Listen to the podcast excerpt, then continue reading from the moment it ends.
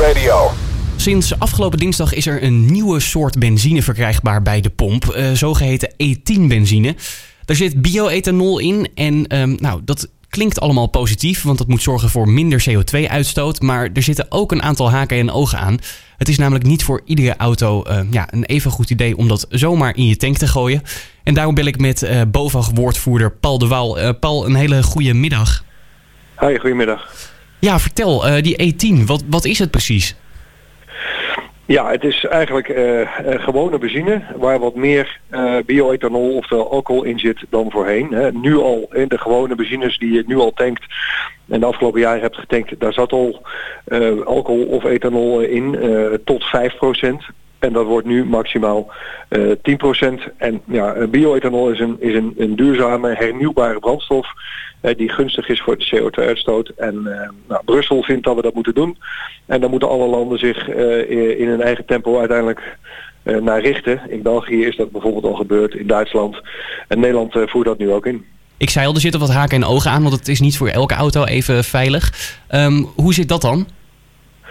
Ja, de, de wat oudere auto's, hè, als, als vuistregel, die klopt niet helemaal. Maar grofweg kun je aanhouden dat als je een auto hebt van voor 2000, bouwjaar, dan moet je even naar e10check.nl gaan. Er zijn ook nog wel auto's van bijna. Uh, dus sowieso kan het geen kwaad om dat even te doen.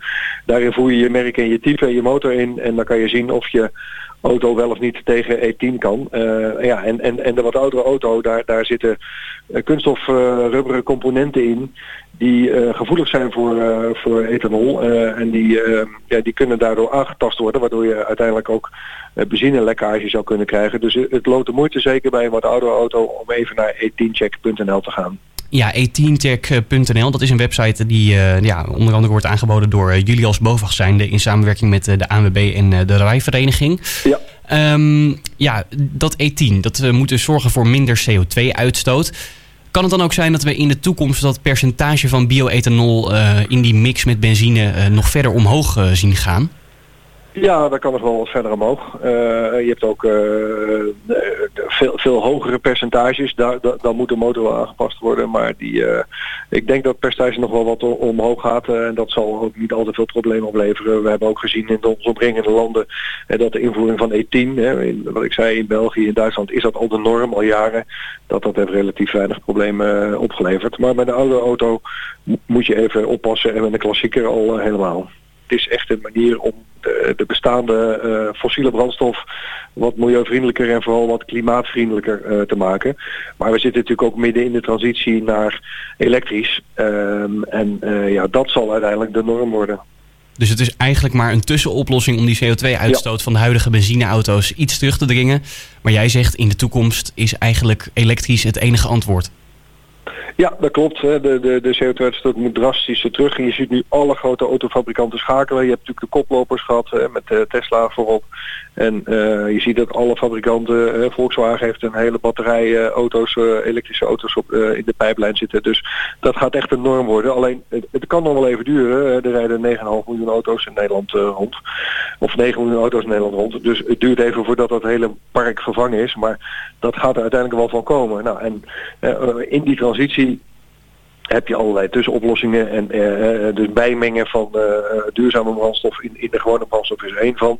De hybride auto's, die, dat is een andere vorm van een tussenoplossing en dat hebben we allemaal nodig. maar ook de diesel, de moderne schone diesel, hebben we ook heel hard nodig om de komende jaren in ieder geval de CO2-uitstoot te beperken.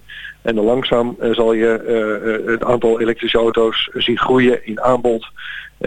Maar ook ja, in wat er, wat er rondrijdt. Het, het, het, gaat de komende jaren hard. Maar het duurt echt nog even natuurlijk voordat alle 9 miljoen auto's vervangen zijn. Ja, dat is natuurlijk begrijpelijk. elektrisch is de toekomst. Maar nog niet alle partijen lijken daar helemaal klaar voor te zijn. Ik las namelijk toevallig van de week een artikel dat um, op het moment dat er een ongeluk gebeurt met een elektrische auto, dat de, de bergers eigenlijk niet heel goed weten wat ze daar nou mee moeten. Omdat die accu's echt ja, enorme, enorme vlammen uitslaan. Um, hoe kijken jullie daar als BOVAG naar? Ja, het is een nieuwe techniek. dus iedereen zal daarmee om moeten leren gaan. Dat geldt bijvoorbeeld ook in onze werkplaatsen hè, van de BOVAG-bedrijven. het sleutelen aan een elektrische auto is echt heel anders. ten eerste valt er minder aan te sleutelen. Maar ten tweede moet je heel andere voorzorgsmaatregelen nemen. Als het gaat om het afschakelen van de batterij aarde. de, de beschermingsmiddelen die je gebruikt. En dat geldt ook voor de hulpdiensten. ja, dat hoort allemaal bij de overgangsperiode. het is heel begrijpelijk dat ze daar wat terughoudend in zijn. En het is zaak dat hulpdiensten en autofabrikanten zo snel mogelijk voor ze dat ook niet al doen hoor. En met elkaar uh, in gesprek gaan om, om uh, die onzekerheid, die onduidelijkheid uh, op te lossen.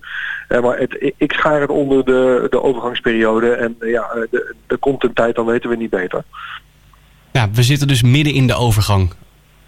Ja, we zitten uh, ja, aan, aan, het begin van het midden van de overgang zou je kunnen zeggen. En uh, nou ja, weet je, toen we overschakelden van paard en wagen naar een auto met benzine, vonden mensen dat ook heel eng. Dat was een, een, een, een brandbom op wielen, vonden mensen natuurlijk. Uh, en sommige mensen vinden dat van auto's op gas nog steeds allemaal onzin, maar het, het sentiment is begrijpelijk.